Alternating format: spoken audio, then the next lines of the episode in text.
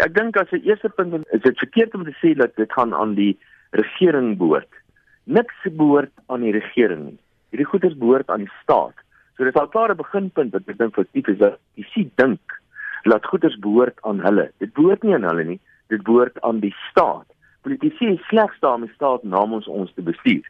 Hoe dit dan ook al sê, as die reservebank genasionaliseer word, dan in terme van monetêre beleid gaan daar net eenvoudig niks verander in Suid-Afrika nie want die reservebank het 'n sekere mandaat in terme van die Suid-Afrikaanse grondwet en as jy wil hê dat rentekoers byvoorbeeld moet daal of as jy wil hê die reservebank moet geld druk byvoorbeeld dan moet jy die grondwet gaan verander.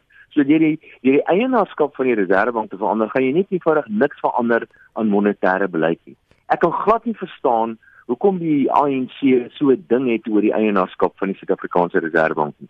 Daar's 'n baie groot voordeel om privaat eienaarskap in die reservebank te hê want jy kry die geleentheid om die privaat sektor te betrek by die bestuur van die van die Suid-Afrikaanse Reserwebank in terme van goeder soos byvoorbeeld personeelbeleid en dies meer. So eintlik het jy addisionele laag hier oorsig van die privaat sektor se kant af. Die privaat sektor of die privaat eienaars het absoluut geen sê oor monetêre beleid nie. Die staatspresident stel in elk geval die president van die Reserwebank en ook die visiepresidente van die Reserwebank aan. So ek kan glad nie verstaan wat is hierdie obsessie van die ANC om die reservebank te nasionaliseer nie. Indien hulle dit wel gaan doen, gaan daar absoluut niks verander in terme van beleid nie. So aandeelhouding het geen invloed op beleid nie. Ek dink hierdie is net 'n geit. Ek dink dit is maar net 'n ideologiese ding van die ANC om te sê dat hulle die reservebank genasionaliseer het. Om 'n een of ander rede dink hulle dat eienaars het 'n voet op die reservebank en eienaars het hoegenaamd glad nie. Ek persoonlik besit 200 aandele in die Suid-Afrikaanse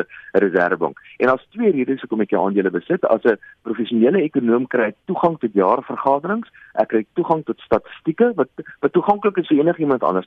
Ek word ten minste na jaarvergaderings toe uitgenooi waar ek jaarverslae kry en ek gebruik hierdie statistieke vir my werk.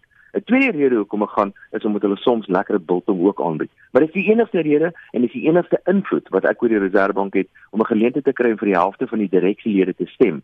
Die ander helfte van die direksielede word aangestel deur die staatspresident en die president van die Reserwebank en die visiepresident word almal deur die staatspresident aangestel. Ek kan glad nie verstaan hoekom die ANC so obsessie het met die eienaarskap van die Reserwebank nie. Eh, die verandering in die eienaarskap gaan absoluut geen verandering aanbring in monetêre beleid in die land nie.